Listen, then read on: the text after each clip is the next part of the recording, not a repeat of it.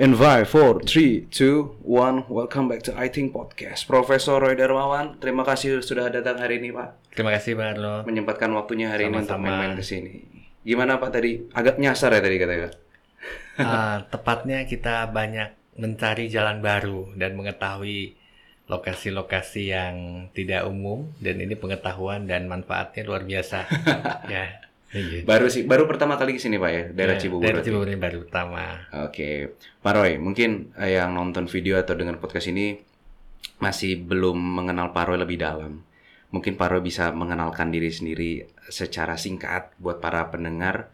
Sebenarnya siapa sih seorang Roy Darmawan? Ah, baik. Saya mengajar di Universitas Indonesia Mm-mm. dan kemudian juga sebagai profesor pada Guangxi University for Nationalities di China. Oke, oke. Aktivitas lain sebagai pembicara dan trainer untuk bidang leadership, entrepreneurship, dan motivasi. Oh iya. Di UI ngajar apa Pak? Di UI, mata kuliah yang terbanyak entrepreneurship, Oh entrepreneurship. entrepreneurship dan leadership ya, termasuk juga mata kuliah leadership. Awal mulanya terpanggil menjadi seorang pengajar atau dosen tuh kenapa Pak? Awal mulanya. Mula-mulanya saya waktu kuliah S2, jadi saya S1 di Bandung, Mm-mm. PS2 di Depok, S2 di UI berarti di Pak? UI, Mm-mm. di psikologi. Ya, saya mula-mulanya untuk mengisi waktu di tengah kuliah, kuliahnya ini agak full time, tapi saya cari mau mengajar apakah di mana yang bisa melamar dan diterima. Oh iya iya. iya. Mungkin di swasta waktu itu bisa langsung dosen, tapi di UI uh, lewat jadi asisten dosen dulu. Dan Oh. Waktu itu diterima di UI, Mm-mm. walaupun asisten dosen. Sebelumnya saya asisten dosen juga di Unpad. Kemudian berpikir dan masukan dari mama saya, UI, ini sudah diambil yang UI saja walaupun ada PTS waktu itu langsung dosen. Oh, jadi awal mulanya emang karena ingin mengajar terlebih dahulu ya, Pak ya? Ya, ada supaya ada pengalaman, supaya ada aktivitas yang sesuai dengan passion. Oke, lalu lanjut S3 dah berarti dong, Pak?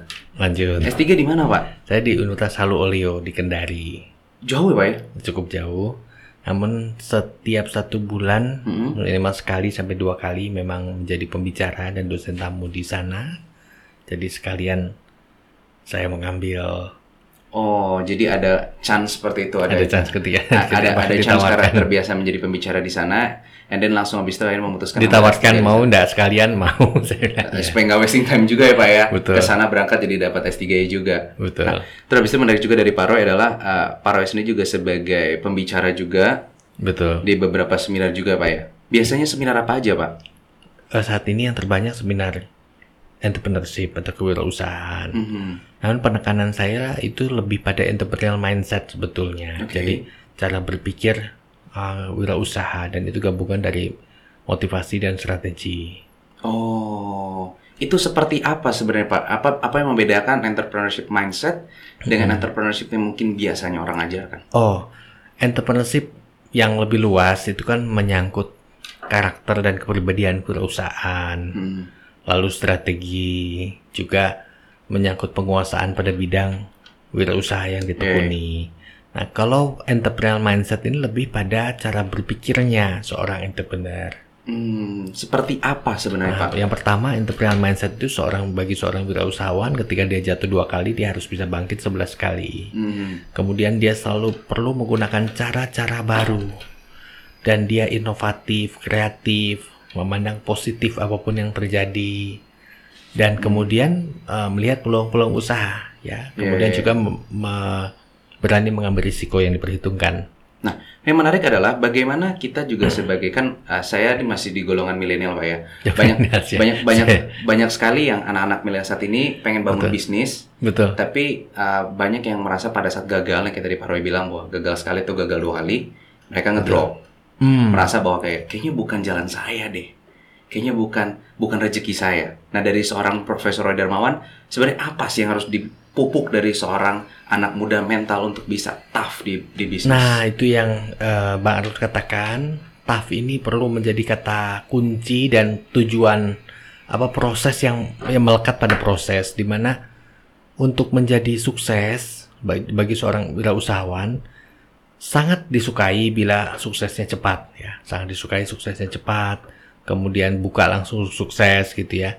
Ketika ilmu basicnya itu dimiliki dan dia menemukan betul-betul belajar dari orang yang paham best practice-nya mungkin itu lebih cepat ya. Tapi banyak orang yang kemudian apalagi yang uh, memulai tanpa terlalu banyak menempa pengalaman kadang proses untuk menjadi berhasil ini melewati berbagai-bagai pengalaman hmm. ya dan ini uh, kadangkala bisa lama gitu ya nah bagi seorang entrepreneur dengan entrepreneurial mindsetnya dia perlu sekali ya untuk melihat segala hal sebagai proses segala hal itu sebagai kesempatan sebagai hal ini sebagai proses belajar jadi hmm. singkatnya bagi seorang entrepreneur harusnya idealnya tidak ada itu gagal. Yang ada adalah berhasil atau proses belajar.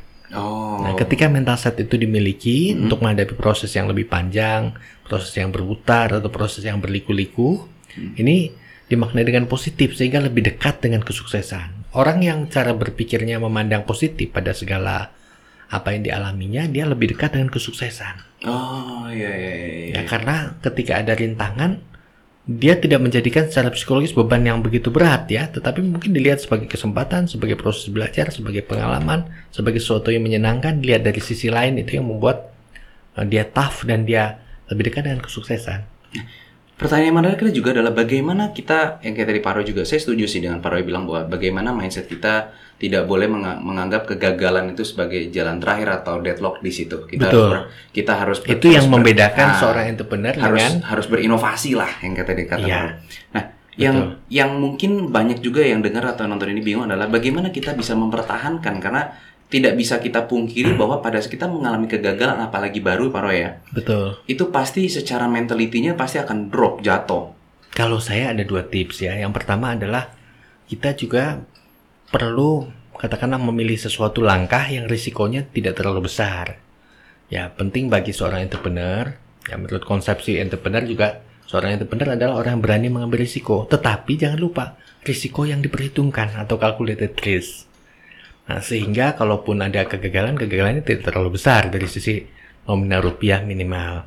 Yang kedua, bahwa proses belajar ini sesuatu yang menarik, hmm. sesuatu yang menantang, sesuatu yang uh, sebetulnya bisa dinikmati, ya sehingga kita belajar dari setiap apa pun yang terjadi, termasuk sesuatu yang belum mencapai hasil sebagai rencana semula. Ya, oh.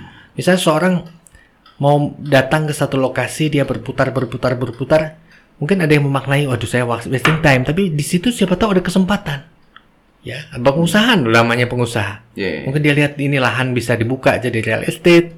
Kalau yang lebih kecil skalanya mungkin saya lihat ini bisa saya kontrak kerja kerja sama dan padahal itu dari jalan yang bagi orang lain dikatakan jalan yang salah atau jalan yang berputar-putar. Oh ya selalu ada peluang. Ya usaha ini orang yang selalu melihat peluang. Nah, kalau dari Roy sendiri Pak, uh, pada saat dari Roy juga saya menarik bahwa pada saat melihat peluang sebagai seorang entrepreneur Betul. dan melihat juga resiko, sebenarnya kalau kita lihat bahwa seber, hmm. uh, lebih ma lebih mana yang lebih penting bahwa melihat resiko atau passion karena masih banyak orang bilang bahwa kalau kita bisnis harus ngikutin passion supaya kita nggak boring supaya kita juga terus belajar. Ya, kalau pendapat saya pribadi yang dikatakan Mbak Arnold itu saya sependapat ya dengan hmm. adanya passion maka kita sebetulnya kita tidak pernah bekerja loh. Kalau kita melakukan sesuatu yang sesuai passion kita, kita kan nggak pernah bekerja. Iya, banyak kita, orang kan seperti itu jadinya, Roy. Saya kira memang memang akan lebih tepat. Tapi ketika melihat peluang, kan ada juga konsepsi lainnya, do what you like and like what you do. Nah, kalau sesuai passion ini pertama do what you like. Tapi tidak sesuai passion tapi ada kesempatan like what you do ketika kita sukai kita pun bisa berpassion di sana. Jadi bisa keduanya. Bisa keduanya ketika sesuatu yang tidak sesuai passion, kita kemudian berusaha menyukai, berusaha mencintai. Nah, banyak pengusaha, banyak profesional yang mungkin bukan di jalan yang awal dia impikan, tetapi ketika dia masuk ke situ dan berusaha menyukainya, sukses besar banyak juga.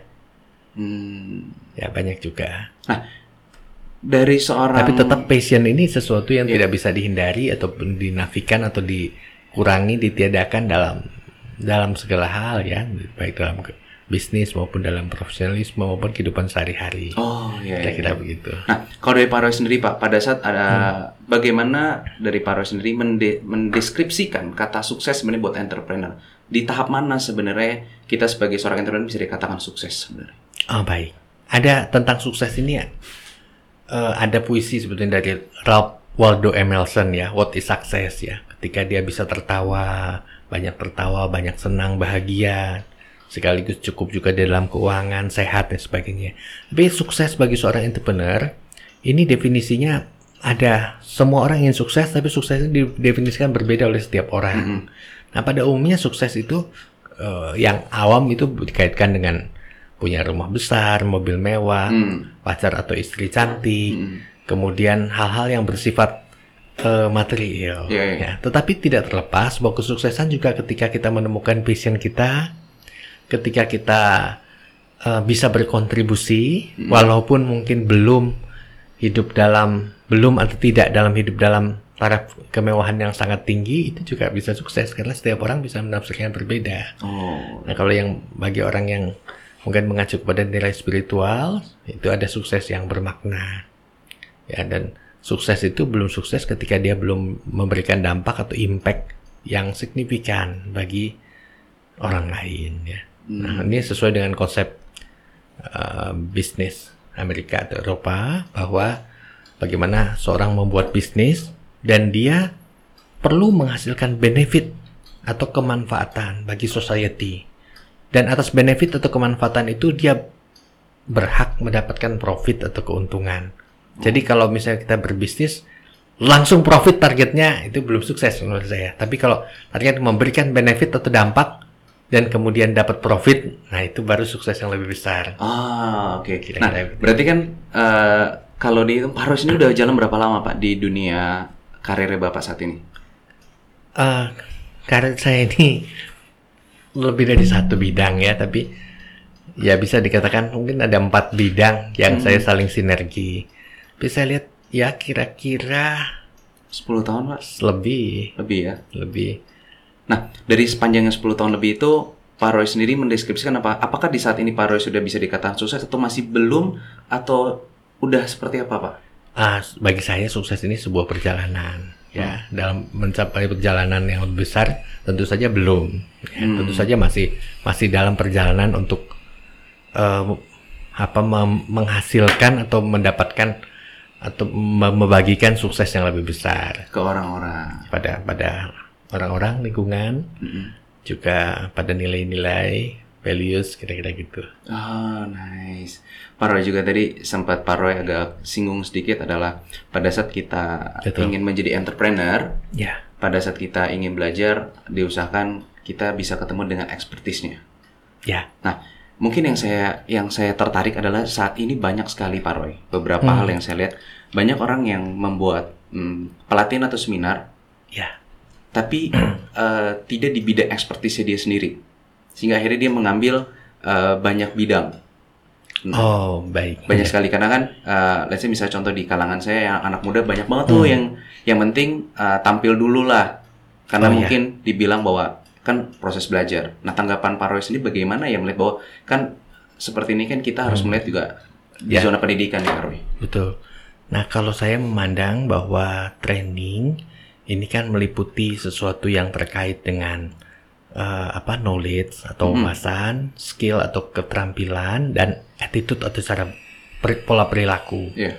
dan juga sebenarnya mindset. ya. oh Nah, bagi seorang yang mendelivery atau mentransfer knowledge mm, kalau dia tidak sesuai bidang yang dia sangat kuasai, mungkin yang ditransfer menjadi lebih sedikit, ya, tidak tidak terlalu optimal. Tapi ketika berbicara bahwa dia berbicara transfer eh, apa sasarannya pada attitude, mm, ini kalau kita menguasai menguasai bagaimana untuk bisa mengubah cara berpikir seseorang, membangun mindset di dalam hal apa pun, mm, dia sebetulnya kalau pandangan saya bisa ya mm. ketika dia menguasai dia bisa masuk pada berbagai bidang ketika dia Oh. bisa uh, menguasai how to change behavior misalnya Oh, how to change iya. uh, mindset seseorang So, jadi bisa dibilang bahwa mereka-mereka yang masih Betul. belum expert di situ sebenarnya dalam setiap pelatihan Ex- adalah mungkin belum expert di dalam knowledge di dalam knowledge ya.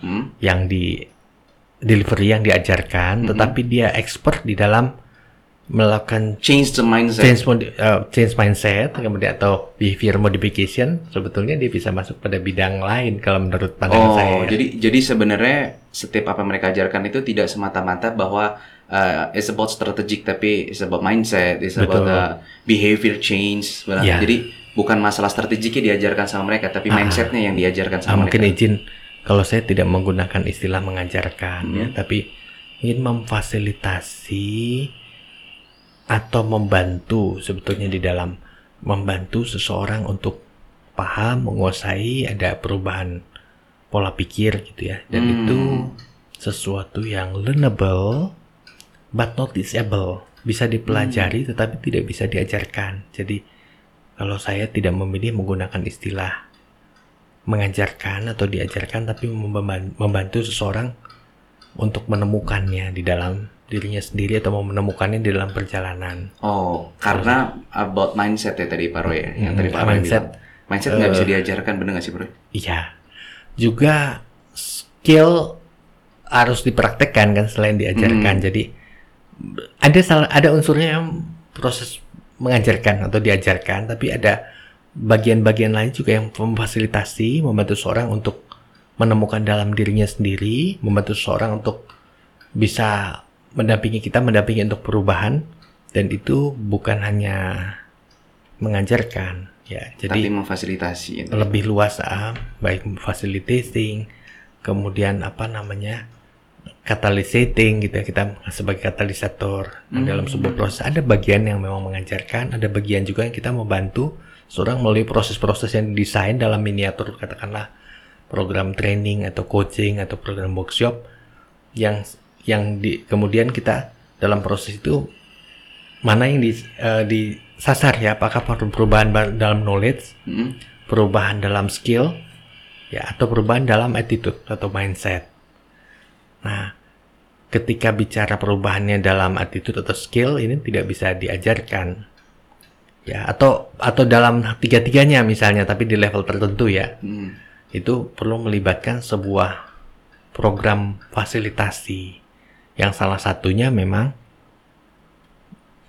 mengajarkan, membantu orang untuk belajar, eh, kita mengcoaching, jadi kombinasi dari Iya, iya. berbagai metode yang diperlukan dilakukan pada saat Oh. yang diperlukan kira-kira begitu. Ya, jadi jadi sebenarnya adalah uh, orang-orang itu hanya memfasilitasi, tapi pada saat pada saat memfasilitasi tersebutlah banyak kegiatan-kegiatan lagi yang Betul, tadi Pak Roy bilang betul. ya Pak ya, bagaimana sekali. training, workshop dan Benar. pengajaran, perubahan seperti itu ya Pak ya. Benar.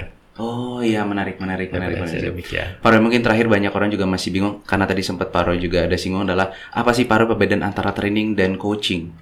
Oh ya, train training asal katanya dari train ya, to train itu melatih ya. Kalau coaching ini eh, mengcoach ya. Kita mungkin ini coaching ini definisinya lebih ada ada ada ada film dulu Coach Carter ya. Hmm. Ya, film dalam coach coach ini proses membantu seorang menemukan jawaban atau solusi di dalam dirinya sendiri dengan proses coaching tersebut. Ya proses yang dilakukan oleh seorang coach untuk membantu seorang berubah dengan cara dia menemukan dalam dirinya sendiri. Ya salah satu salah satu yang diperlukan adalah skill bertanya. Itu di coaching Pak ya. Daripada coaching. Kalau di training itu apa yang Kalau di training, eh, dia kan melatih ya.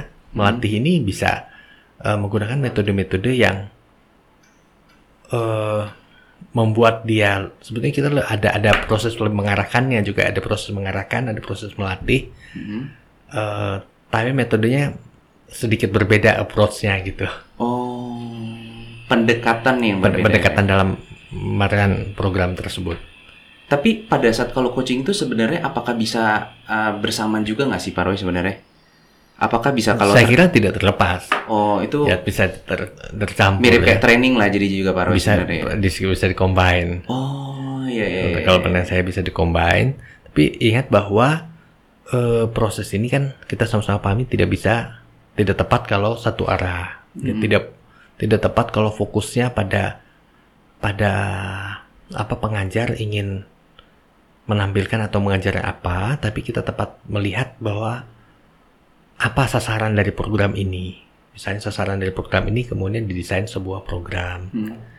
yang eh, yang menggunakan metode met- kombinasi metode-metode yang sesuai dengan sasaran perubahan yang ingin dicapai kira-kira Oke, begitu. iya, iya, iya.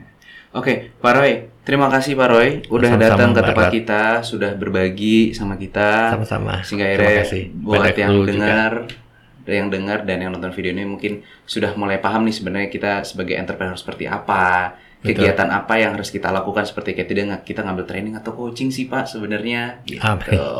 Oke. Pak Roy, ter- sekali lagi terima kasih. Terima kasih, Nanti kapan-kapan kita main lagi pemirsa. dan ngobrol lagi. Baik. Terima kasih Pak Roy. Terima kasih.